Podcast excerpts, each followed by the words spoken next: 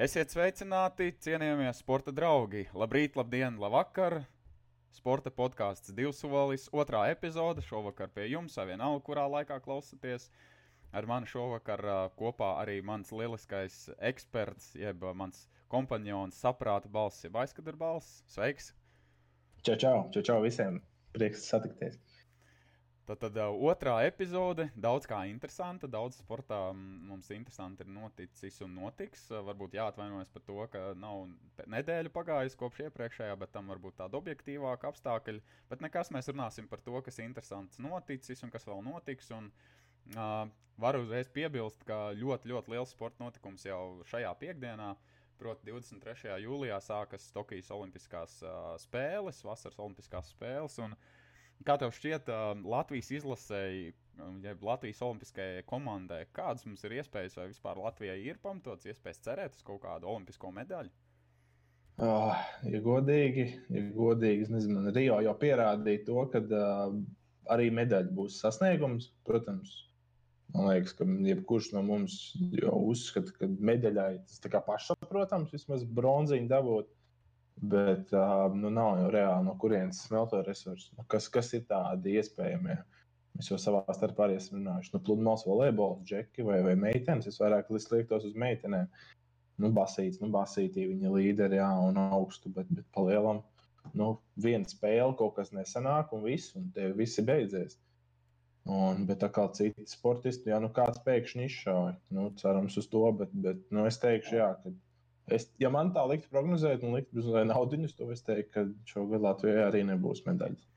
Bet tāds mans liekas, tāds tumšais zirdziņš, kas varbūt varētu patīkami pārsteigt, tā varētu būt basketbola 3 pret 3 izlase. Tātad basketbols 3 pret 3 uh, pirmo reizi Olimpiskajās spēlēs šāds sporta veids. Un es domāju, ka Džeki ir pierādījuši sezonas gaitā, ka viņi ir ar serbiem cīnījušies līdzīgs ar līdzīgu un arī kādās spēlēs uzvarējuši. Un, nu, tā, ka serbi tiek uzskatīti par vislabāko izlasi pasaulē, viņiem arī komanda top 1. Es nezinu, es domāju, pie tādas labas apstākļu sakritības varbūt arī mūsu basketbolistu var iepriecināt. Starp citu, interesants fakts, ko šodien uzdūros, ir ne, nesaistīti ar, ar jautājumu par medaļām, kad mūsu, bet uh, Latvija pārstāvēs trīs uh, nu, armijas pārstāvji un viens arī zemesargs ir Arnēs Rumbenieks, kas ir soļotājs. Viegla lieta, ko es īstenībā nezināju, Līga Velver ir uh, karavīrs. Un tāpat arī Pāvils Švecels no modernās piecīņas ir karavīrs, nu, kas ikdienā dienā armijā. Tas, tas, tas nu, kas man bija pilnīgs jaunums, ko es nemaz nezināju. Arī interesanti, ko pati Latvijas Olimpiskā vienība raksta tādu faktu, ka 26 sportistiem šīs būs pirmās Olimpiskās spēles. Tad kopā 33 mums sportisti no 14 sporta veidiem. Nu, tas nozīmē, ka no 33, no 33 26 šīs ir pirmās spēles. Tas jau vien liecina par to, ka tas Olimpiskais sastāvs Latvijai ir tāds stipri jauns, bet uh, nu, varbūt kāds pārsteigums. Es arī gribētu teikt, ka Atkal savukārt tāda pieredzējušākā ir tā, varētu būt viena no Anastasija Grigorieva, kas ir cīņā. Nu, viņa ir pierādījusi, ka viņa ir uh, pasaules un Eiropas čempionātos labas uh, vietas uzrādījusi. Nu, nezinu, nu, ļoti grūti prognozēt, kā tie apstākļi sakritīs. Un um, mēs darbā runājot vēl ar kādiem kolēģiem, arguments bija ļoti labs, ka mēs nezinām, kā Covid vīruss var ietekmēt, un varbūt kāda no lielajām, li, lielajām līmeņa zvaigznēm var pēkšņi izkrist, un līdz ar to tā cīņa par medaļām var sā, sāsināties starp citiem sportistiem. Kā, nu, tas ir tik neparedzējami šī olimpiāda, kā arī olimpiāda bez skatītājiem, jo tad, tad Japānā tur uh, viņi ļoti noraizējušies par covid vīrusu. Kā, es nezinu, nu, tev tiešām nešķiet, ka kaut vienu mēs kaut kā dabūsim. Nu, es uh, baigi nekļūdījos, bet vīlos Rio Olimpijādē, kad mēs nedabūjām nevienu, bet mums bija divas ceturtās vietas, tādas sāpīgas. Un, bet nu, arī tās ceturtās vietas bija jau, jau, jau negaidītas no tiem cilvēkiem, praktiski nu, manās acīs vismaz. Toreiz, nu, šogad ir vēl, vēl švakāk. Bet, nu, kāpēc ne? Varbūt tiešām Covid ierobežojumi citam ir ļaujuši atkal dot trenēties un, un kaut kādā tādāk izpausties, un citam varbūt tas uh, patraucēs. Kā to zina, kā, kas to lai zina, kādā pozīcijā mēs būsim, to jau mēs redzēsim. Bet, bet nu, pagaidām skeptiski, jā. Bet uh, iepriekš izteicies par, par Grigorievas pieredzi. Jā, nu, viņi, viņi varētu īstenībā viņas nepieminēt, bet viņa varbūt tiešām iepriekš viņa ir bijusi tā, ka pat teica atzinusi, ka uh, nu, nu, sāpīgs rezultāts. Viņa, viņa vienmēr gājusi uz, uz tādu nu, medaļu līmeni, bet nu, vienmēr kaut kāda neveiksme ir bijusi, kas patraucējusi. Un pašai viņai līdzies tas ir nu, ne tā vieta, kur viņa gribējusi. Tagad varbūt pieredze nesniedz savu, un tāda pat arī pieredze Mārtiņam Pļaviņam, kuram ir otrās, ne, bet trešās olimpiāda, olimpiāda pēc, ne pēc kārtas, bet vispār trešā. Un, un, un, un vienu viņš izlaida pagājušo. Tā kā nu, varbūt tas, varbūt šie pieredzējušie var arī var mums kaut kā palīdzēt. Nu, es, es saku, noteikti ir tādi sportisti, kuriem es sakošu līdzi, un kas, protams, nevar jau, mēs, mēs nevaram uzreiz cerēt par medaļām, bet kas varētu tādu labu sniegumu parādīt. Tad ir mūsu 3 pret 3 basketbolisti. Tad es domāju, tāpat Anastasija Grigorieva, vēl kam noteikti pievērsīšu uzmanību. Tātad pludmales volejbolistēm Tīnai Graudiņai, Anastasijai Kravčēnukai. Uh, Mārtiņam Pļaunam, Edgars Točam. Noteikti interesanti arī var, kas, kas, par ko maz runā, ir mūsu riteņbraucēji, Kristina Elans un Toms Skuiņš. Arī viņi pie labas tādas apstākļu sakritības, es domāju, var pacīnīties. Un arī svarcēlājs Arthurs Plēsnieks, kuram ir pietiekami labi rezultāti bijuši. Arī mūsu tenisistes, Ostapenko un Sevastova, kas ir pierādījuši izlasē, ka viņām ir diezgan laba tā ķīmija, dubultspēlēs spēlējot. Uh, nu, arī vieglatlētiem. Nu, patiesībā es, man, uz šo sastāvu, olimpisko sastāvu skatoties, es redzu ļoti maz, kā teikt, olimpiskos turistus, par ko daudziem pārmet. Jā, olimpiāda ir nopelnīta. Nav tā, ka tur kāds brauc atpūsties un, vai, vai turists vai kā, bet es šeit redzu arī nu, cilvēks, kas var labus rezultātus uzrādīt. Varbūt ne medaļas, bet re, labs rezultāts kā tāds. Pieminēju Ostapenko, un uzreiz man parādījās jautājums, kā tu vērtē karognesējus? Vai, vai, vai ir pārsteigums, ka Ļona arī ir starp vienu no tiem? Noteikti ir pārsteigums, jo, ja atminaties, iepriekšējā podkāstā es kritizēju Ostapenko par viņas attieksmi, par viņas tād, tādām rūpībām. Un, nu, godīgi sakot, man īsti neslēdzās kopā, ka cilvēks, kas ļoti necienīgi izturās pret pretiniekiem, ar savu treneru, kas ir mamma, var nolamāt ar piecstāvīgiem vārdiem un tā tālāk nu, ka ta, ta, tas, ko tu nes arī tavs tas imidžs, nu, viņš tomēr ir svarīgs. Un, ja tāds cilvēks nes Latvijas karogu tātad, atklāšanas ceremonijā kopā ar Agnēnu Čavaru, tad 3-3 basketbolistu, nu, es godīgi sakot, neesmu īsti apmierināts ar šo lēmumu, bet uh, tas ir uz Olimpiskās komitejas uh, sirds. Bet, uh, ko, kā tev pašam šķiet? Vispār interesanti ir šogad, kad ir pirmo gadu, vis, visām delegācijām, valsts delegācijām būs divi karognesēji. Tā ir jauna tradīcija, kas vispār iepriekš nav bijusi. Un pirmajā brīdī, kad es dzirdēju, ka Ostapenko būs otrs, domāju, kā tas notiks. Visi pārējie nes pa vienam, mēs pa diviem kaut kādā tur. Tu cerēsi, bet nē, nu, tas laikam ir speciāli domās, nu, kad ir viens vīrietis, otrs sieviete, nu, kad ir varbūt nu, izstāsts labāk vai kā. Bet nu, Čavārs un Ostapenko nu, noteikti dotos. Iepriekš mēs jau abi jau runājām, es dotu Mārtiņam Pļaviņam un Anastasijai Grigorjevai. Nu, viņi ir pelnījuši, viņi ir pieredzi un man liekas, karogu nesējiem jābūt tam, tam cilvēkam, kurš ar, ar savu pieredzi tā kā, tā kā nu, Nu, iemiesot to olimpisko tēlu. Tā kā aiputnam, kurš ir tas, tas līderis, kurš lauž to ceļu visiem un rāda to piemēru no tādas sērijas pilnīgi piekrītu un pievienojos. Tā kā interesanta izvēle. Uh, Bet, nu, tu, tu interesanti faktu, jā, tu saki, ka tātad katrai, gandrīz, nu, tātad katrai delegācijai ir vīrietis un sieviete. Uh, varbūt tas kaut kāds īpašs attiecības uh, savstarpējās uzlabos, jo uh, klīst runas, ka diezgan pamatots, ka Olimpiskajā uh, ciematā, uh, Tokijas Olimpiādē, ir uh, gultas, ir ļoti cietas gultas, gultas, kas ir radītas no kartona, lai uh, nu, cilvēki nedodarbotos ar mīlespriekiem un uh, nepulcētos, un šī covid izplatība nebūtu. Tas man šķiet diezgan interesants veids, kā, kā to panākt.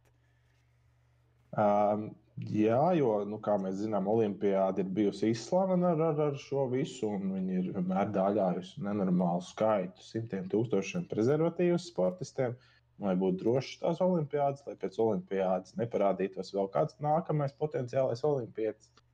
Bet, uh, labi, tas, tas stāsts, jūs smejoties, bet uh, par tām gultām, nu, es nezinu, man jau liekas, tā ir itī nu, klāji, klāji māni, jo tomēr, nu, redzot tās gultas, kādas viņas izstāsta, tur nav stāsts par, par diviem cilvēkiem, bet, izāk, domāju, tas ir vienkārši šausmīgi lēts risinājums, uz ko viņi ir izbraukuši cauri, nenormāli ietaupot, un tajā pašā laikā viņiem nepārmestu aptuveni, nu, ko tie uztaisīt, uztaisījuši, kas tās par gultām no sērijas. Bet nē, mēs izdomājām, ka tomēr tie būs mazliet ierobežot Covid. Nu, nu, interesanti izštukojuši. Neviens viņam vairs nepārmest. Jo, nu, Džeki jau testēja, kas te britu brit, vingrotājs testēja laikā pa gultu, ka nemaz nav tik traki. Nu, labi, viņš 50 kg svar, svēra, ja tur kāds svarcēlājs uzkāp, tur ielūst arī nākamajā stāvā. Tur ne tikai gultas aplīst. Tas nav tāds gluži varbūt rādītājs, bet um, šodien darbā tā interesanti. Es gribēju teikt par olimpisko ciematu, bet es viņu nosaucu par olimpisko cietumu.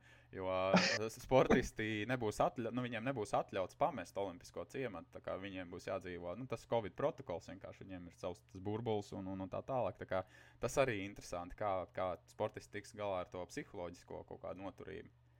Jā, šis gads ir rītīgs burbuļu gads bijis. Jā Iepriekš, nu, labi, iepriekšējais jau bija sākot ar basi, basketbolu, NBA bija jau tas burbuļu princips uh, Orlando un, un, un šogad arī lielie internacionālajie sporta notikumi. Tas pats hokejs mums Latvijā arī bija liels, liels cietums, kā tu saki. Un, labi, olimpiskais cietums būs bišķi vairāk tās iespējas uz kaut kurien izkustēt. Es domāju, arī no tās pašas viesnīcas, jo viņi varēs iziet, bet nu, pat Tokiju vazāties viņi noteikti nevarēs. Mm. Nu, ba, ba, nu, man šķiet, ka tāds Olimpisko spēļu saldējs ēdiens ir basketbola turnīrs. Amerikas oh, izlases, kas ir savākusi tagad savu diezgan solīdo sastāvu. Jā, viņiem arī Covid dēļ tur daži spēlētāji labi, diemžēl, paliks mājās. Bet, uh, Nu, kas cīnīsies par medaļām basketbola turnīrā? Vai tā ir Amerika, vai tā ir Francija, vai tas ir kāds tum, tumšais zirdziņš, vai Luka Dončičs ar Sloveniju, vai Spāniju, vai tāpat Nigērija, kas mums ir pārsteigums. Jo Nigērija pārbaudas spēlēs pirms uh, Tokijas uzvarēja Amerikas izlases, kas spēlē vēl savās mājās. Nu, Nigērija ir ļoti, ļoti šogad. Viņa jau katru gadu, praktiski nevis katru gadu, bet katru olimpiāžu gadu vāca ļoti labu sastāvu. Un, un šogad, man liekas, viņi ir izcēlušies ar to, ka ir uh, tiešām astoņus NBA džekus atsūtījuši, nu, kas, nu, kas ir krietnes pieteikums vismaz uh, cīņai par medaļām. Jo, nu, es saku, vēl projām man sirds sāp par Lietuvas iztrūkumu. Un, un, un, un, un, nu, kur kur, kur Slo, un Slo, Slovenija sakal to pašu raksturu, un, un, un kā viņi ar to savu Dončiča psiholoģija izlauzās cauri un, un uzvilka lietuviešus, kas ir parasti izpaudušies ar stabilu pēdējo spēļu, gala, rakst, nu, ne pēdējo spēļu, bet izšķirošo spēļu psiholoģiju. Nu jā, jo atceramies, ka uz Olimpijādu netika arī serbi, netika horvāti, netika grieķi. Nu, kā, tur jau tāpat būs spēcīgs izlases, tas ir neapšaubām. Tad, tad Spānija Allaži ir uh, favorīts, viens no favorītiem, kas parasti ir arī diezgan laba pretestība amerikāņiem izrādījuši. Nu, tāpat Francija, manuprāt, nu, tad, nu, var būt pārsteigumi noteikti. Ja, ja nu kas, tad, tad šis varētu būt tas turnīrs, kur tiešām pilnīgi viss var sagriezties kājām gaisā. Un, un, un, un interes, interesanti ir, kad vispār uz Olimpādu tagad ir pēdējos, pēdējos. Es nekad tik iepriekš tik daudz nebiju dzirdējis attaisnojumus par apdrošināšanām, un arī šajai Olimpādē ies garām. Uh, Denis Šrēders, kas ir Vācijas izlases pamats saspēles vadītājs. Un, nu, man liekas, pa lielam lielākais līderis būtu viņiem, bet uh, nu, viņš nepiedalīsies lielās apdrošināšanas dēļ, kas man liekas nenormāls absurds šajos laikos. Pat. Turklāt Vācija. Vācija ir bagāta federācija, tātad Vācijas izlases saspēles vadītājs, bet manuprāt, tur ir tomēr savs zemūdens akmens, jo Šēderam nav līgums. Viņam pēc šīs sezonas ar Lakers līgums beidzās. Nu, tātad šajā vasarā viņam beidzās līgums, un viņš pats ir publiski medijos izteicies, ka viņš grib aptuveni 100 miljonus dolāru nākamajā līgumā, un ka iespējams vienkārši viņš negrib riskēt ar veselību, nedod Dievs kāds savainojums Olimpijādē, un tad lielā nauda gar, gar degunu aiziet. Oh, nu, jā, protams, protams, tas ir. Nu, tas jau tā pamatā ir tā apdrošināšanas summa, jau aug nezinu, uz, uz iepriekšējo traumatismu. Jau arī izvērtējot, tāpat arī Kristapam, kāpēc viņa tik liela ir noteikti tā summa. Tāpēc, kad zinot uh, viņu traumatismus, nu, tā summa iespējams uzaug lielāka nekā tam pašam dāvim, ja salīdzinām. Nu, tā tad mēdījos izskanēja, ka, uh, lai Kristaps uh, šajā vasarā palīdzētu priekškvalifikācijas turnīrā Latvijas izlasē, federācijai būtu jāšķiras no 500 tūkstošiem eiro, proti, no pusmiljona eiro, kas ir, nu, būsim godīgi, Latvijai tas tā ir kosmosa nauda.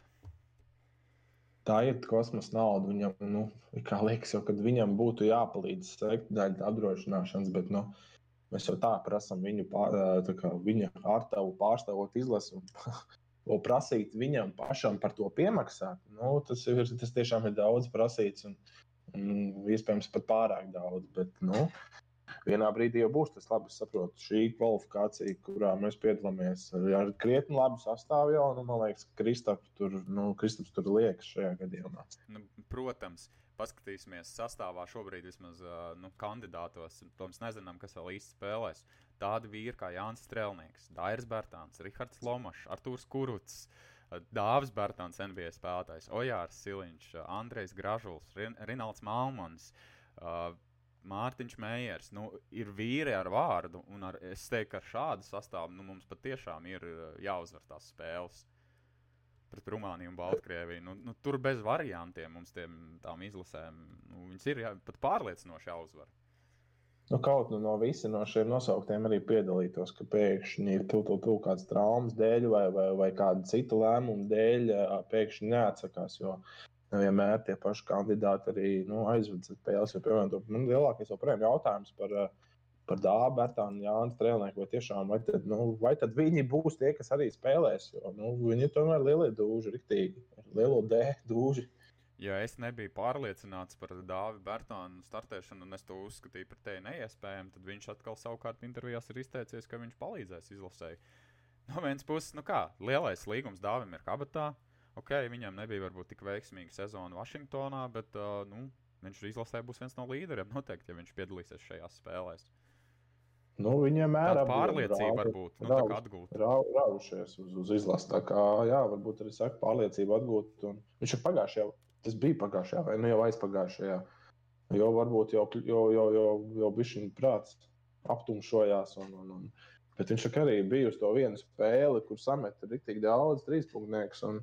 Nu, tas iedod noteikti kaut kādu pārliecību viņam pirms sezonas. Savukārt, vēl drusku atgriežoties pie Kristapam, runājot, noklausījos tātad viņam Reina Ošanieka, sporta studijas žurnālisti, LTV žurnālisti. Bija tāda lielāka intervija, Un uh, Kristaps teica par izlasi. Viņam jautāja, vai tu redzi, Kristap, ka vai tu nākotnē varētu pārstāvēt izlasi. Viņš teica, ja izlase tiks uz uh, pasaules kausa, viņš teica, nav labāks sajūta dzīvē, kā uzvilkt izlases krēklu, kā spēlēt izlasē. Ka nav lielāks gods, kā pārstāvēt izlasi. Tā kā es domāju, ka porziņģim izlase ir ļoti svarīga. Un kā šeit runa viņš arī intervijā uzsvēra, ka šī ir beidzot pirmā vasara, kad viņš ir vesels, kad viņš var ieguldīt sevi, ka viņš var savu fizisko formu, ka viņš var veselības. Nu, tā, tā, tā. Uzturēt labā stāvoklī, lai viņš ierodoties uz sezonu būtu gatavs spēlēt, cīnīties par savu vietu. Vēl viņš intervijā komentēja, kāds viņam ir sajūta par to, ka viņam plēfos lika lik treneri. Jā, kad stāv stūrī, Dončičs mums te viss nokārtos, un viņš pauda savu neapmierinātību. Es biju pārsteigts, cik Kristaps vaļsirdīgi un atklāti dalījās par to, jo mēs zinām, ka viens nepareizs vārds un amerikāņu presa tev izvazā pa visiem stūriem. Es atkal tieši biju teikt, ka nu, viņš ļoti labi iemācījies izstāstīt, pateikt, atbildēt uz to jautājumu, bet nepateikt neko lieku.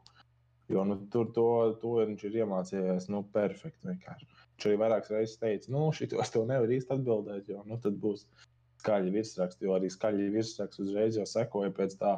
Nu, kas, ko es uztvēru kā pa lielam joku tajā intervijā, ka viņš teica, kaut vai sezonas vidū braukšu uz uz pasaules kausa. Un, un, un, un, un pēc tam visi virsraksti arī to arī burtiski uztvērtā un aizgāja. Tikmēr, kamēr mēs šeit runājam par Olimpisko basketbola turnīru, mēs runājam par Kristapam Porziņu. Starp citu, tāds vārds vienkārši pieminēšanas fakts. Tātad arī šajās nedēļās gan Porziņš, gan Dārzs Bērtāns tikuši pie jauniem galvenajiem treneriem. Tātad, attiecīgi, Dallas Maurīks komandu vadīs Jasons Kits. Uh, Savukārt Vašingtons Wizards Vesa Anselts juniors. Tā kā tāda interesanta izvēle. Nu, redzēsim, kā Kidam ies ar porziņu. Es domāju, ka viņš ir saspēles vadītājs. Kids kādreiz bijis arī Talasā spēlējis. Varbūt viņš var ar Dončiču kaut kādu kopīgu valodu atrast un sadraudzēties. Jo Tā kā baumoja, ka Kārlēlam iepriekšējiem Mavericks treneriem nebija labas attiecības īsti ar Dončiču. Tā kā, nu, tāda interesanta tādas lietas, kā, kā tas virzīsies, bet, bet ne par to stāst, stāst par to, ka šobrīd NBA kulminācija, tūlīt iespējams uzzināsim NBA čempionu. Tad, tad NBA finālsērijā ja Milwaukee Bucks ir 3-2 vadībā pret Phoenix Suns. Nākamā spēle tagad tieši šonakt, no otrdienas uz trešdienu naktī. Iespējams, jau uzzināsim jauno NBA čempionu. Nu, es jau ceru, ka, ka, ka tomēr nē, kad uh, būs tās septiņas spēles. Iepriekš es pats prognozēju, ka tas Kad, uh, kā es toreiz teicu, kad es teicu, šī vai iepriekš. Jā, tu teici, ka 4-2 Phoenix tā kā varētu vinnēt, bet 4-2 vairs nav matemātiski vairs iespējams. Tur tikai 7 jā, spēles. Jā, jā, jā, tāpēc saku, es tomēr ceru vēl projām uz Phoenix uzvaru. Nu, tad, lai iet visas 7 spēles, lai mums ir saldējs ēdiens, finālā izšķirās vienā spēlē, 7. Nu, tad, tad arī redzēsim, jo pagaidām kā cik labi iesāka Sants, nu, tik arī labi slikti turpināja. Bezmazai, nu, kā pilnīgi aizgāja tādā karuselītī, un, un arī Baks nospēlēja vienkārši. Nu, Grieķu frīks ritīgi aizgāja tieši tā iemesla dēļ, kāpēc viņš sauc par grieķu frīku. Nu, viņš monstruāli nospēlēja ap divu ar Krisu Middletonu iepriekšējās spēlēs. Nu, mani pārsteidza savā ziņā, ka visas plēsoņas uh, Phoenix Suns ir spēlējuši tik stabili, tik pārliecinoši. Un tagad Viņi fināla sērijā izvirzās divas, divas uzvaras pēc kārtas, viņi izcīnīja savā laukumā. Tagad viņi ir zaudējuši trīs spēles pēc kārtas. Viņi ir pazaudējuši to pavadienu, spēles pavadienu.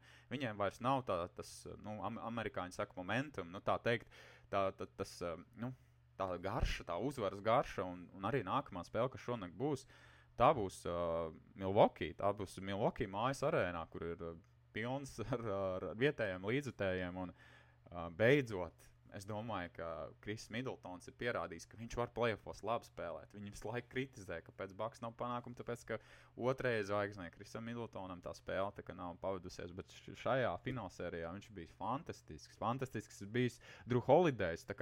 Ne tikai grieķu frīks, bet es teiktu, ka viņiem šis uh, trio ir izcili parādījis. Labi spēlēja aizsardzībā, viņiem ir labs uh, uzbrukums. Protams, tās spēles ir bijušas daudz maz līdzīgas, bet uh, Tomēr tas, ka Suns komandai ir tikai viens īpaši pieredzējušais Kristis Pols un pārējie ir jaunie džeki, tas tomēr tas, nu, tāds augstasinības trūkums, domāju, viņiem ir ietekmējis Phoenix komandai. Protams, es vēlētos, ka Kristis Pols dabūtu gredzenu, bet nu, grūti, grūti izskatās šajā situācijā to būs izdarīt.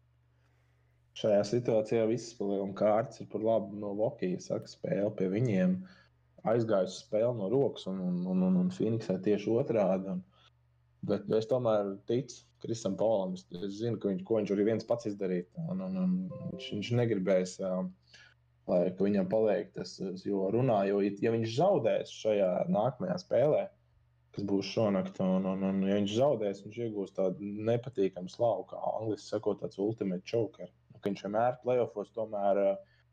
Nu, tomēr nu, nes, nesaiet līdz galam viņam tā spēle. Nu, vēl jau nu, tāds objektīvs iemesls, varbūt, kāpēc Phoenix, uh, Phoenixai tā spēle ir pajukusi. Tad viņiem pēc pirmās spēles darīja Saričs, notraumējās. Principā viņiem nav kas Deantra Eitona maina.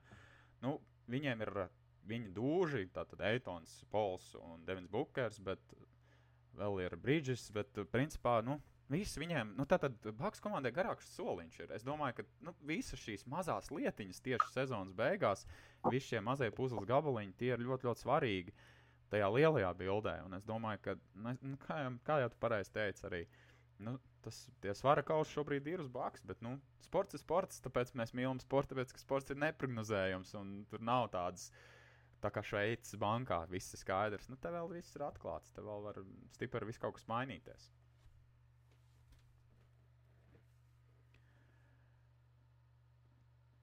Tā varbūt Uh, vēl par citu sporta veidu, kas ir Ziemeļamerikā, tas ir hokejs. Tad Stanley Kauss mums ir izcīnīts, mums ir uh, noskaidrots uzvarētājs. Un kā tu to NHL sezonu vērtē, kas, kas varbūt tāds interesants par to NHL, ko mums piebilst? Um, tieši par ne par sezonu, varbūt kopumā, bet, bet um, šodien uzdoros interesantai informācijai par, par uh, uzvarētājiem Tampu. Un, un, un, un, un, un cik tomēr par to arī iepriekš ir runāts, cik tas playoff hokejs var būt traumatisks un tās traumas parādās tikai tad, kad ir sezona beigusies. Jo tu, ne, nu, tu negribi atklāt nekad savas vājās vietas, īpaši pretiniekam, kurš nu, ļaunprātīgi arī visticamāk tās izmantos. Un, un interesanti, ka piemēram Viktors Hedmans, kas bija pagājušajā sezonā vispār. Stanley Kausa MVP nospēlējis ar visu, visus playoffs ar menisku plīsu. Un, uh, Rajans Makdonalds un uzbrucējs Bārklīs Gudro iz, izslēgšanas spēlēs piedalījās vispār ar salauztām rokām. Protams, tie lūzumi nav ārējais lūzums, tas, kad ir pied, vispār nav iespējams. Piedod, ka pārtrauc, bet tas izklausās vienkārši pēc kosmosa. Ja mēs skatāmies, kā ir futbolā, kad tev Neimārs pēc mazākā centimetra pieskāriena krīt pie zemes, ja, tad džeka ar laustām rokām spēlē. Nu, pilnīgi nesaprotami. Nu, tas saka, lai kāds lūzums būtu, nu, tas ir tie, tie, tiem, kam ir bijuši kaut kādi lūzumi, tie sapratīs, ka nu, pa lielam nu, tu ar nekādu nevar uzspēlēt, pat ar mežģījumu. Tu bieži vien liekas, ka nevar pa, pa eksistēt un vēl spēlēt tik agresīvi sporta kā hokejs un tādā izšķirošā brīdī. Un tāpat arī tas Kučerovs, kas ir uh, rezultātīvākais spēlētājs, bija uh, viņš pusfināla sērijā pret Islanders salauza rību. Nu, vienkārši ārprāts. Un tajā pašā laikā turpināt spēlēt tik labā līmenī un, un būt tas vilcējs spēks uzbrukumā. Nu, skaidrs, ka viņam bija speciāla aizsarga veste un injekcija, kas bloķē nervus. Un, nu, tur ir vesela procedūra. Veselībai simt punkti. Tas nenāk pa labi. Kad uh, tik ļoti nu, tu izslēdz tās sāpes mākslīgi. Tas Arī ir... tas pats. Uh, Gribu paturpināt, kad uh, Aleks Skilons, kas pirmajā spēlē uh, salauza kāju divās vietās vēl pēc tam. Labi, viņš uz ledus neuzkāpa oficiālā spēlē, bet uh, viņš kāju salauza, cik es lasīju, pirmdienā. Un ceturtdienā viņam jau bija ievietota mākslīga metāla stieple. Un sestdien viņš jau atsāks lidošanu jau, jau treniņos, jau, kad bija jau gatavs jau iet un palīdzēt. Bet, nu, tā, arī, tā arī viņam ne, nu, nebija vajadzība pēc, pēc, pēc iesaistīšanās. Bet, nu, tas ir tiešām, tu saki, kosmoss, pilnīgākais kosmoss, kā ar tādām traumām vispār spēlēt profesionālu sportu. Tas nozīmē, ka džekiem ir tāda vēlme pēc tā Stanley kausa, ka viņi ir gatavi pilnīgi visam tajā karā, ar visiem ieročiem, vienalga, lai ko tas prasītu. Nu, jā, jā, un, un, un tas, tas ir runājot par ieročiem vispār. Uh, ieroču tuvā, tuvākajā laikā, nu, es neteikšu, kurā dienā beigās ir, bet tuvu tuv tam uh, jaunā Sietlas krakens izvēlēsies savus ieročus un ieroču nesējus. Nu, un, un iepriekš ir um, izziņots, ka katrai komandai bija jāizvieto. Ne, jāizsargā, tā būtu precīzāk teikt, uh, spēlētājs. Viņiem bija ierobežots skaits, plēlim, viens vārdsargs, pāris aizsargu un, un vairāk uzbrucēju. Bet uh, no latviešiem pa lielam uh, visi izņemot zemgus tika aizsargāti, vai vienkārši viņi nekvalificējās uh, tam statusam, ka viņus varētu izvēlēties, kā piemēram Ēlis. Bet uh, ļoti interesants uh, viedokli lasīju pirms, pirms, pirms tā vispār notikuma un pirms Bluegrass jaunā līguma par, par Pitsburgas nometni no fanu puses. Jā, viņi ļoti gribēja. Viņi jau, nu, Viņam patīk Teodors, bet, nu, lai viņu aizsargātu, nu, tas nozīmē, ka tev ir kāds jāliek ārā, ko, nu, kas ir, kā viņa prāt, labāks. Tajā pašā laikā tas Jareds Mikēns, nu, kas eh, nu, eh, tiek uzskatīts par augstāku līmeņu. Viņi, es nākamajās dienās arī aizmainīju uz Toronto. Un tajā pašā laikā atbrīvojot vietu Bluegaram, lai aizsargātu viņu. Jo, saka, fani gribēja pilnīgi citu scenāriju, lai Bluegars iet eh, šajā bīstamajā zonā, ka viņi var izvēlēties un nu, no sērijas riskēt. Bet es saprotu, iepriekš, iepriekšējā šajā paplašināšanās draftā uh, Pitsburgā ļoti aizšāva garām, iešāva sev kājā ar, ar, ar Marka Andreja Flerija ievietošanu, kas daudziem bija pārsteigums. Bet nu, viņi uzskatīja to, ka viņa līgums un viņa gadi un viņa status līgāk viņi neizvēlēsies Lasvegas toreiz. Nu. Un tagad Līdzīgās... Uh, viņš ir viens no Lasvegas Golden Knights līderiem. Nu, vilcējs. Tieši tā, tieši tā. Un tāpēc arī es saku, ka iešāvu savu kājā, redzot, ka uh, Vegas uh, ir uh, spēlējusi krietni augstāk nekā Pitsburgā. Labi, pēc tam izcīnīja uh, kausu Pitsburgā, bet, bet nu, Flērija pa lielam ir parādījis lielāku stabilitāti nekā aizvietotāju Pitsburgā. Un, kas ir interesanti, Monreāli iet reāli to pašu ceļu šobrīd. Jo viņi ir ievietojuši, aizsargājuši otru vārdsargu Džeretu Alenu, kas ir viņu arī, arī augsts līmeņa vārdsargs, bet no otrais, protams, aiz Kerija Praisa. Un Kerija Praisu atstājuši, ka viņi var izvēlēties. Tas ir pārsteigums. Atceramies, ka Kris Prais ir bijis viens no Kanādas izlases līderiem Olimpijādē. Viņš arī spēlējis. Ja nemaldos, tad uh, dārziņš viņam Sochos iemet golu. Jā, jā pareizi atceries. Un, un, un Kevijs Prais ir uh, vislabāk apmaksātākais vārdsargs NHL šobrīd. Tas ir viņu tas uzskats, ka oh, viņi jau neņems tik dārgu vārdsargu.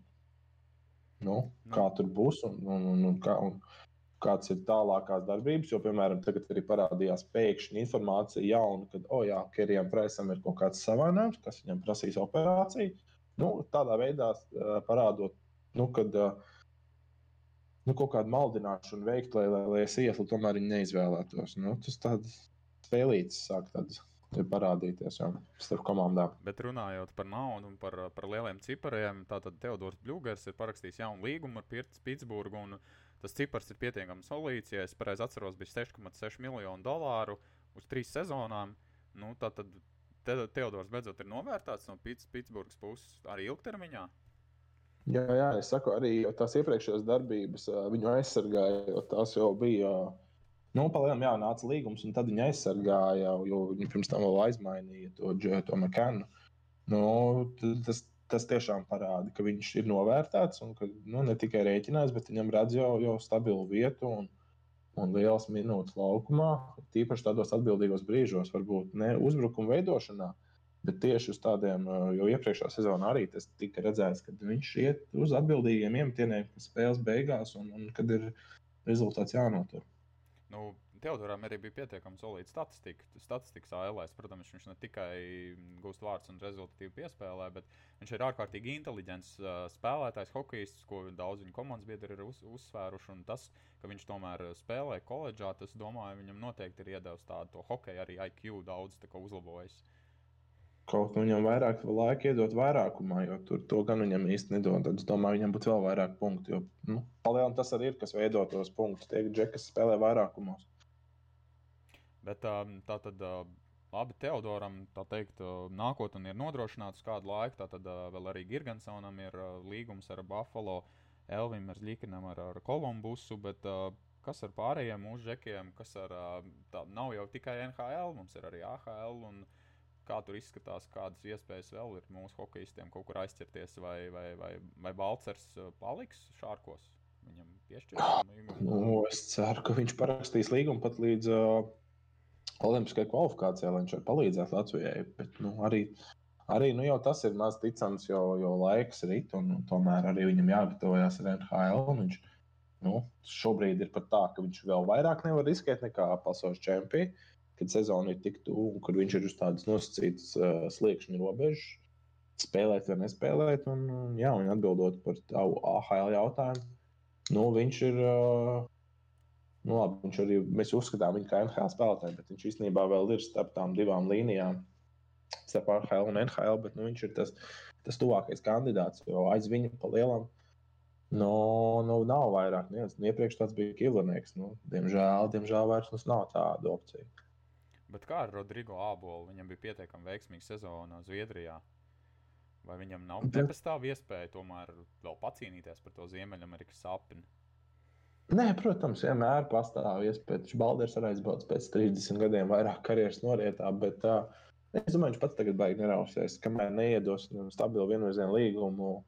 Viņš negrib, viņš jau ir apdedzinājies vienreiz, un, un nu, tas, tas nav tas, ko viņš grib. Un, nu, viņš noteikti neizbaudīja tajā gadā hokeju kā tādu. Un, nu, viņam viss apmierina Zviedrijā šobrīd. Un, kas zina, aizvadījis vairākas stabilas sezonas Zviedrijā, un, un NHL ļoti patīk ņemt Zviedrijas līgas pat tiešo uz NHL iedodot labu līgumu. Tā kā, nu, protams, visi ceļi ir kā vaļā. Jā. Savukārt Jānis Jaks, kas iepriekšējā sezonā uzspēlēja AHL, tad, tad ir parakstījis līgumu ar KHL vienību Soči. Spēlēs viņš šajā kurortu pilsētā. Daudz jau īpsnāja par to, ka arī varbūt Jānis tas NHL, AHL sapnis izsapņots, bet es vēl arī neteiktu, ka tas nav tā teikt zvanīts. Arī aizvedot Krievijā labu sezonu, tomēr ir iespējas vēl tev pacīnīties. Nē, es pat domāju, ka viņam tas ir. Nu, pat, pat ne tā, ka tas ir jāaizved labi. Nu, viņš aizved normālu sezonu Krievijā. Nu, tas, tas tāpat kā normāla sezona AHL. Nu, tas ir, jo AHL ir augstāks līmenis. Viņš pat tam tagad ir leģionārs.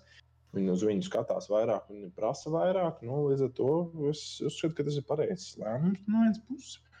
Viņš atbrauc uz dīnāmu, nu tad gan, jā, tad, tad es kasītu pienu un teikt, nu, ka lauka vecīt, kas notiek.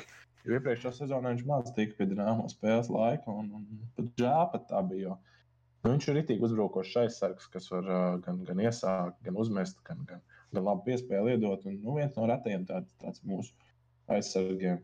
Tāpēc, uh, būs interesanti pavērot viņa kā HL nedināmos sastāvā. Man tāds provokatīvs jautājums. Tad, tad Latvijas izlase pasaules čempionātā hokeja uzvarēja Kanādu, kur beigās kļuva par pasaules čempioniem. Vai varbūt NHL skauti, skatoties šo spēli, Latvija, Kanāda ieraudzīja kādu no mūsu hokeistiem, kas potenciāli nākotnē tomēr varētu par to lielu Amerikas sapni, nezinu, izsapņot to. Es nedomāju, pēc vienas spēles, ka tā varētu būt. Viņi noteikti pievilka tuvāk tos džekus, ko viņi ir draftējuši. Un, un, un, un tos, tos jā, uz tiem vairāk uzsvaru liekot, bet nu, palielam.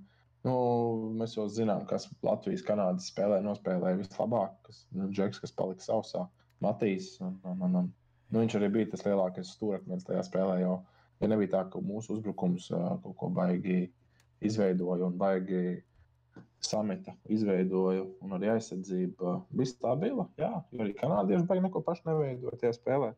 Bet, nu, lai, lai šī viena spēle iedod kaut kādus nākotnes karjeras bonusus un līgumus, nu, nu, es domāju, ka noteikti ne. Es to vienkārši tādā kontekstā, ka Kristiānam Rubīnam bija ļoti veiksmīga spēle pret Kanādu paga, no, aizpagājušajā, nu, tad 19. gadā, ja 20. gadā nebija čempionāts.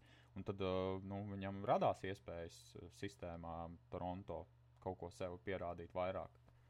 Uh, jā, bet viņš ir nu, šajā, šajā gadījumā viņš ir tāds situācijas ķilnieks. Viņš varēja aizvadīt nu, vienkārši super čempionātu, bet tāpat aizbraucot uz Toronto, viņam ir priekšā nu, tas pats ceļš, un nekas īsti nav mainījies. Viņam ir palielinājums jāpierāda sev Toronto. Bet, jā, ja viņam nebūtu līgums, viņš būtu, viņam visi ceļi būtu vaļā, tas noteikti jādotu tādu brīvību un iespēju izvēlēties. Bet, nu, es saku, Toronto šobrīd ir nu, baigā talantu meka, un tur ir talantu rezerves pār pārējiem. Varbūt ne, to neliecina uzvaras, bet, bet, bet cilvēku vārdi, uzvārdi, līguma cipari un, un, un, un tie pašā laikā arī drafti izvēlētie.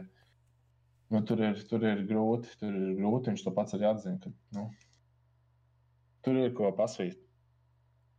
Es domāju, ka daudz nav gatavi tai gaļas mašīnai tomēr iet cauri, bet tomēr man priecē, ka, ja mēs tā ļoti skrupulozi iet cauri, AHL pietiekami daudziem mūsu hokeistiem arī ir pieraksts. Un, un, un, kā, ir jau kam sekot līdzi tajā Ziemeļamerikā, un hokejs jau Latvijas, nu, Latvijai kā tādai jau pēdējos gados ir tāda, tāda pozitīva tendence. Bet nu, redzēsim, kā, kā valsts vienībai ies un kā ies Olimpiskajā kvalifikācijā. Jo eh, šodien lasīju, ka kalendārs ir jau izziņots, un, protams, pēdējā spēle Olimpiskā kvalifikācijā būs izšķirošā spēle, visticamāk, pret Franciju par ceļojumu. Tā kā, protams, kārtējo reizi Latvijai visas pēdējās spēlē visticamāk izšķirsies.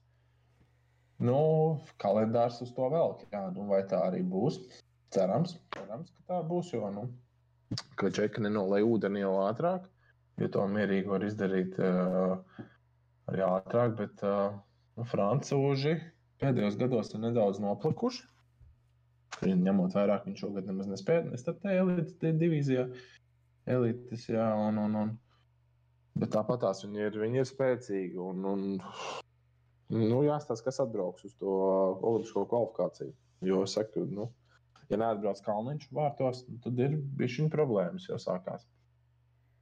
Es vēl tādu varbūt maz piebildītu par uh, Nelaiķu Matīs Kilnieku, ko es gribēju tā uzteikt no Columbus Blue Jackets puses, ka viņi ir tātad, radījuši speciālu fondu Latvijas hokeja atbalstam, un tātad uh, summa ir 80,000 eiro. Tātad 80 numuru spēlē Matīs tā simboliski, tātad 80,000 eiro aizies Latvijas hokeja attīstībai, kas man šķiet tāds ļoti labs un tāds cēls mērķis tāds labs žests vismaz no Kolumbus organizācijas. Protams, protams, un, un, un, un cik es saprotu, tas arī aizies jaunas hokejam Latvijā kaut kāda daļa naudas. Vai, nu, visi noteikti nē, bet daļa naudas aizies tur. Un, nu, tas tāds tiešām uh, parādīja to. Viņš arī, kad, nu, kad uh, viņš tiek, ka viņu, ka viņu atcerās un ka viņu arī atcerēsies. Savukārt no hokeja ripas pārlecot uz futbola bumbu, Tātad mums pagājis tāds ļoti svarīgs notikums Eiropas čempionāts futbolā. Esam tur uh, noskaidrojuši uzvarētāju.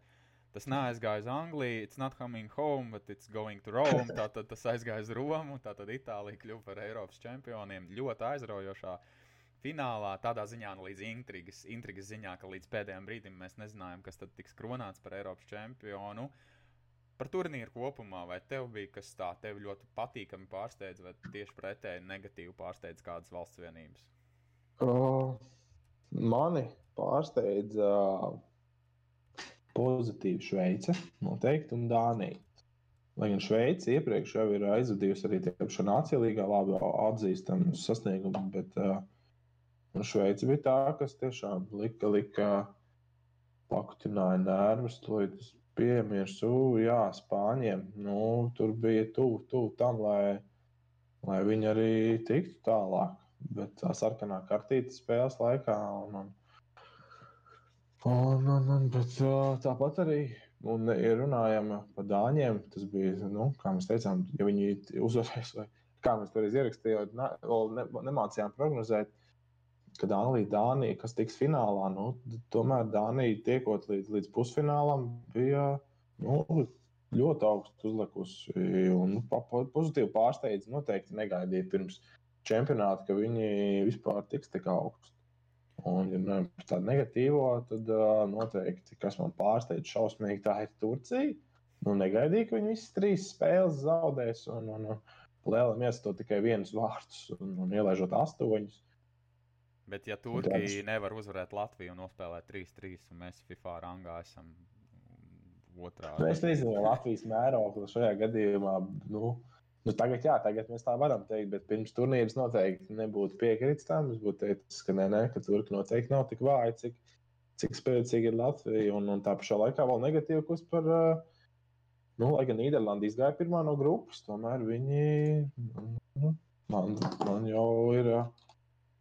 Nu, negaidīt Čehiju, viņi zaudēja. Nu, viņiem jā, tur sarkanā kārtībā tur patraucēja. Es, es tā uzskatu, nu, tur muļķīgi nospēlēja Matīs Dalīks.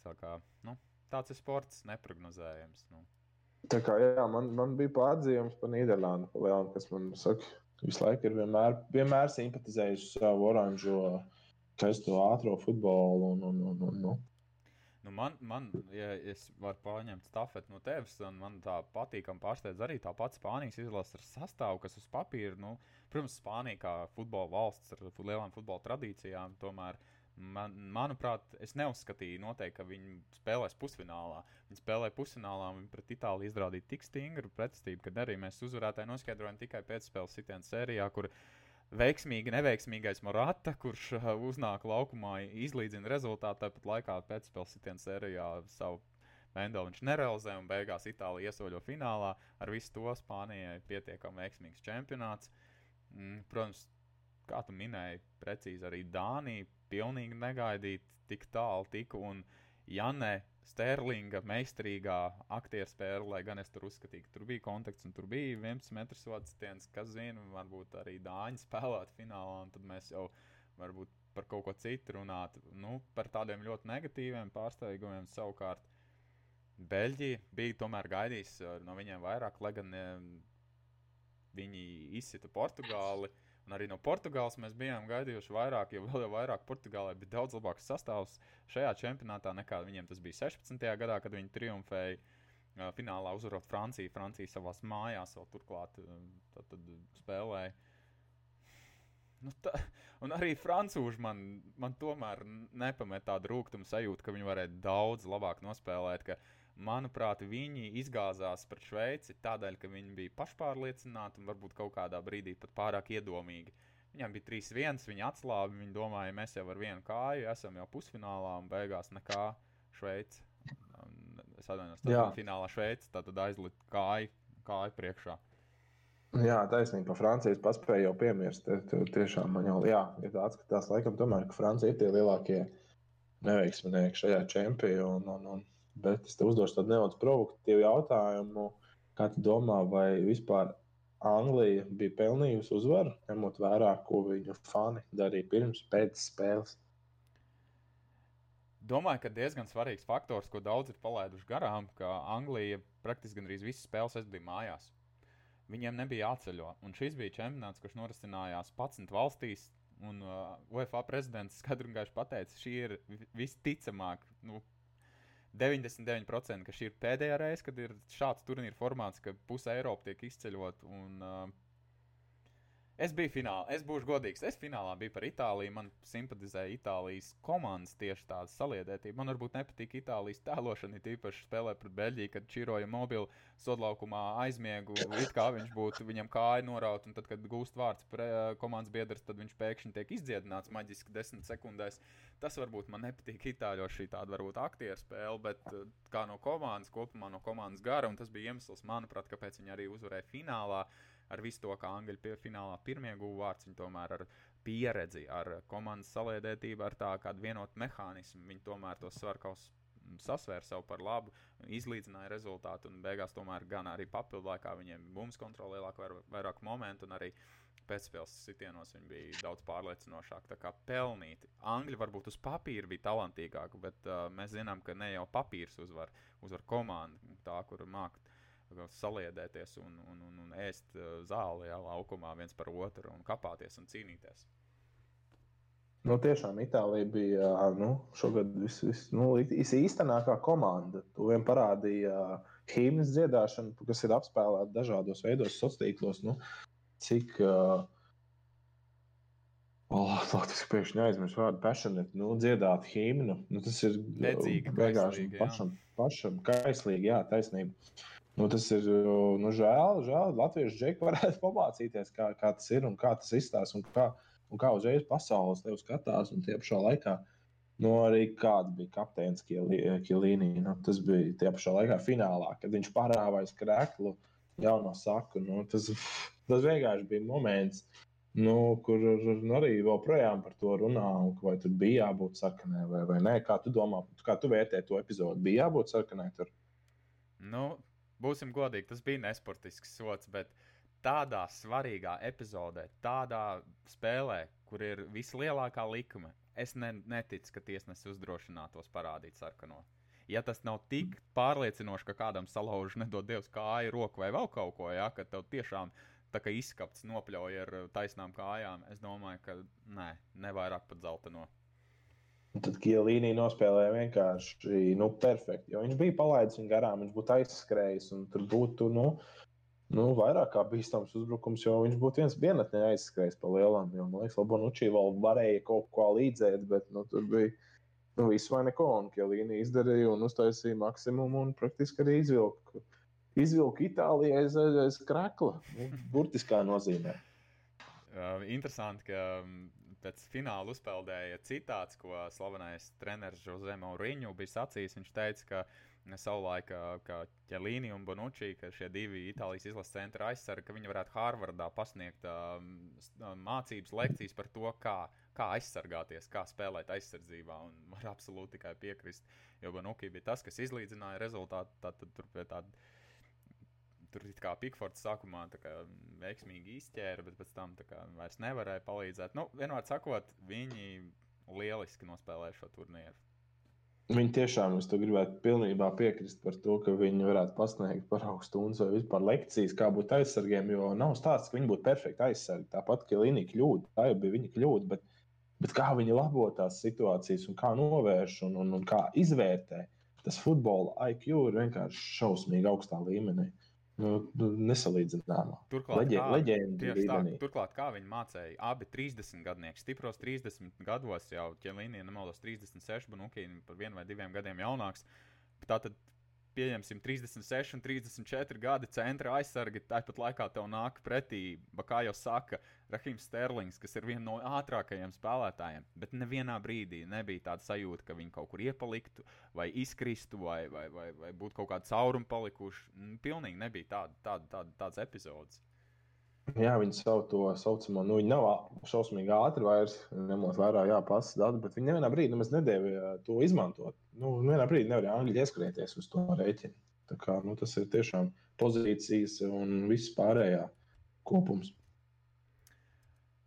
Bet vēl par futbolu runājot, vēl kāds Eiropas čempionāta dalībnieks, varbūt par kuru tik daudz nerunā, tas ir Mārtiņš Breinverts, kurš spēlē ikdienā Barcelonas komandā.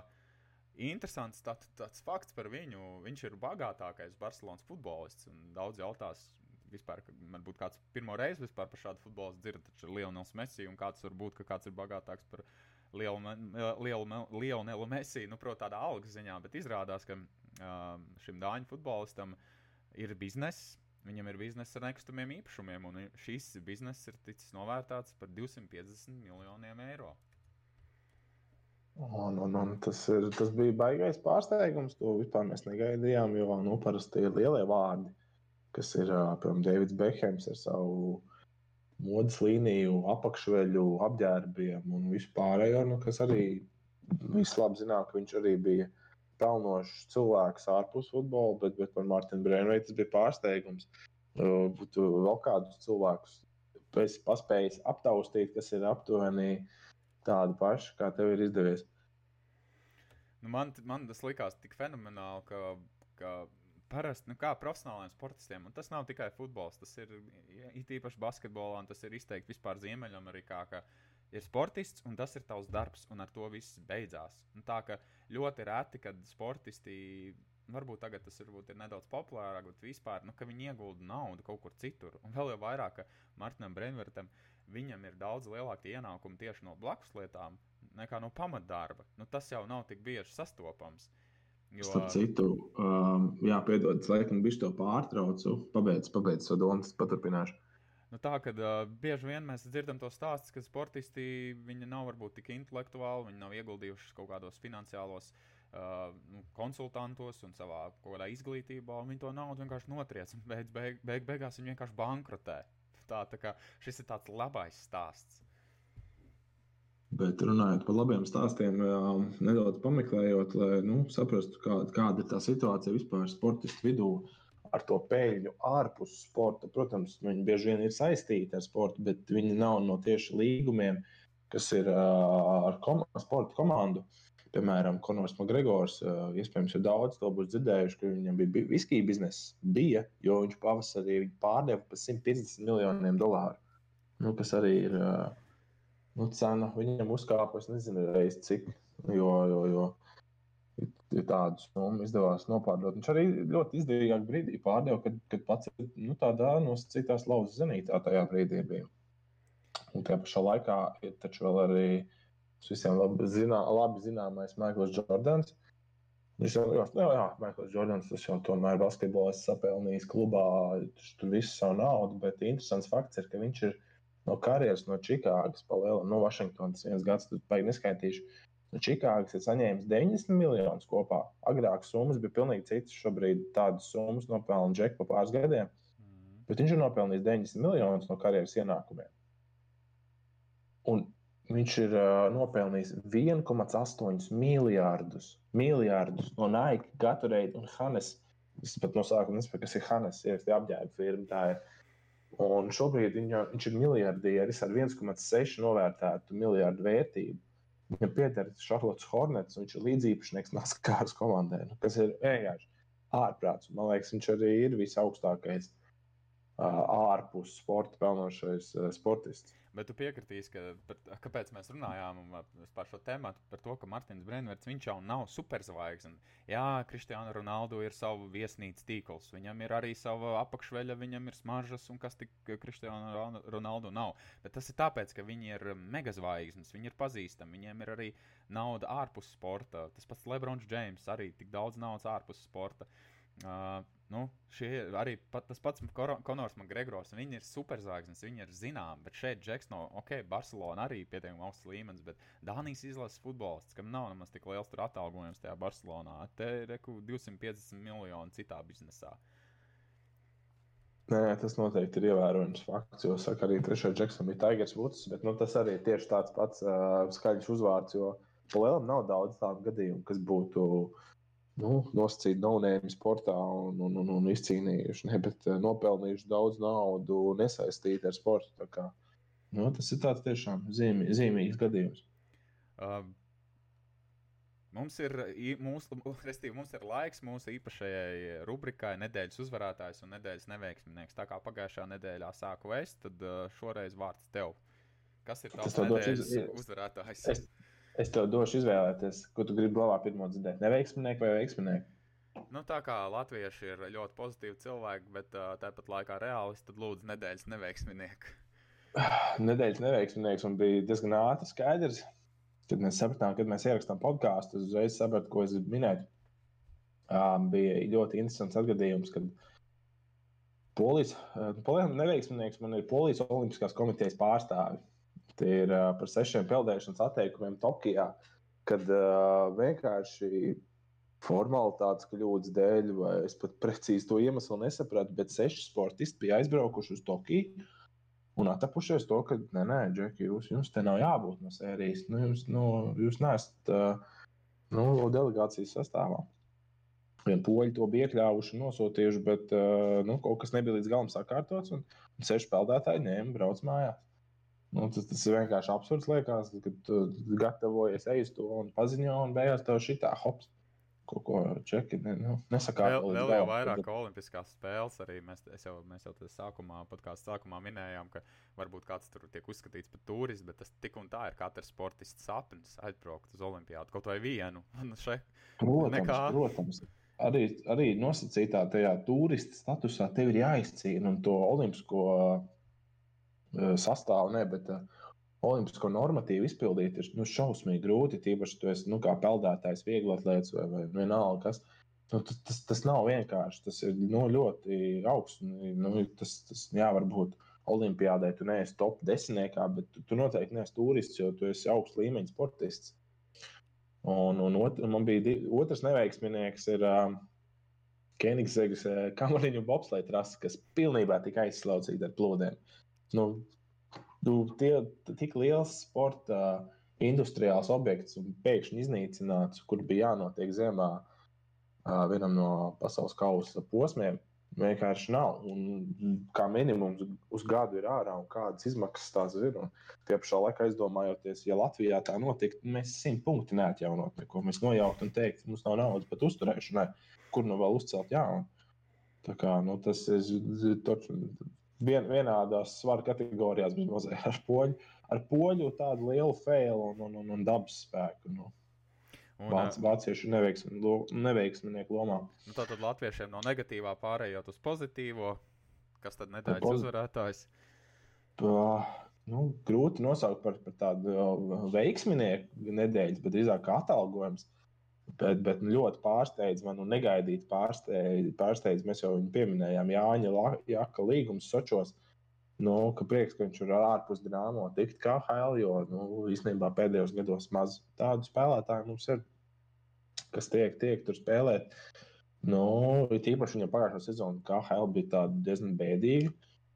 Nu, aizbraucu uz AHL, paspēju labu, labu to nogriezt, neaizudīt. Nu, tagad tika pielīgumi. Tāpēc tas man tāds tiešām pozitīvais piemērs un, un tāds, nu, jā, savu veidu veiksminieks. Ar, ar darbu panācis, ka arī veiksmiņam uzspīd. Kā, kā tev ir, kā tavā frontē? Nu, tad, tad turpinot lieliskās latviešu tradīcijas, sāksim ar negatīvo. Un tas man, varbūt būs tāds pārsteigums, bet nedēļas neveiksminieks Kristaps Porziņš. Un kāpēc? Ne jau tāpēc, ka mēs nevaram samaksāt pusmiljonu eiro par apdrošināšanu, bet tādēļ, ka cilvēkam sezona ir noslēgusies. Uh, viņa galvenajam, neteiksim, Sansensim, bet tādam uh, komandas biedram, kas visu laiku sal, slavas saulītē, tas Lūks Dončits, viņš brauks uz Olimpiādu, ir Jasons Kits, jaunais treneris, kurš, protams, atkal izceļ Dončits, kas palīdzēs Dončičam, un atkal mums Kristaps paliek savā ziņā ēnā. Un atkal viņš uh, uz sporta studiju sniedz interviju, un, un, un man tā nepamet sajūta, ka viss, ko Kristaps pasaka, tas tiek pret viņu pagriezts kaut kā negatīvi. Un arī es klausos uh, ESPN uh, First Take, un tur Stevens A. Smits un Maks Kellermans, tātad Amerikas sporta žurnālistikas smagsvara. Viņi saka, ka Porziņģim ir jāmaina komanda, viņi neredz nākotni Kristapam šajā komandā, un ka būs grūti, un ka Kristaps varbūt varētu būt varbūt trešā opcija, ne otra opcija nekādā gadījumā. Un, ka, Jā, ka tur tomēr treneriem arī, nu, vienmēr sakot, man, man tā nepamat sajūta, ka viss, kas tiek runāts par, por, par porziņu un par to Dallas Mavrikstu organizāciju, ka viss ir tāds šausmīgi negatīvi piesitieni. Un ka, protams, ka Latvijas sporta draugi domā, ka tik ātrāk Kristaps eh, čem, čemodāns, krā, čemodāns krāmēt un varbūt dotos uz citu komandu. Nu, nezinu, man tāda nepamat sajūta, ka tomēr ar to kīdu tur vieglāk Kristapam nepaliks Dallasā. Ļoti iespējams, ļoti iespējams arī, arī par to pašu ir tādas dziļas pārdomas. Nu, kas tev ir veiksmīgs statusā? Nebūšu baigi orģinālais, bet tā ir Itālijas futbola izlase. Tas, kā viņi, kā jau mēs jau tikko pirms dažām minūtēm runājām, kā viņi nospēlēja Eiropas čempionu. Viņi bija visstabilākā izlase arī tādā snieguma ziņā. nu, fantastika. Uh, Roberto Mančīnī, jā, kādu izlasi viņš ir uztaisījis. Un, uh, It's coming to Rome. Un tas bija tik zīmīgi, kad uh, fināls vilpa noskanēja. Un Leonardo Bonucci pieskrēja pie kameras un ieklīdz kamerā, kamerā. It's coming to Rome. Nu, grūti vēl kaut kādu zīmīgāku skatu iedomāties. Nu, tā kā uh, Itāli, Itālijas izlases spēlētāji jau zināja to likumu, bet uh, tā kā tu pareizi minēji, kā viņi dziedāja himnu, kā viņi grauza zālienu viens par otru, lai tikai celtu virs galvas to trofeju. Nu, tas ir kaut kas apbrīnojams. Mums ir jāpamācās noteikti no dienvidniekiem, kā tas ir mīlēt savu zemi un mīlēt un krist un klupt pa savu nāciju. Būt, un būt ar prātā, ar uzvarētāju mentalitāti. Tieši tā. Nu, ko? Es domāju, ka visu svarīgāko, visu aktuālo mēs esam pārunājuši. Tieši tā, un, un es ceru, salīdzinoši ar pagājušo sēriju, ka mēs ne sēriju, bet ar, ar, ar ierakstu mēs esam uzlabojuši arī skaņas kvalitāti klausītājiem. Jā, un, un, un, un, kad eh, tiksimies, es domāju, atkal nākamajā, nākamajā ierakstā.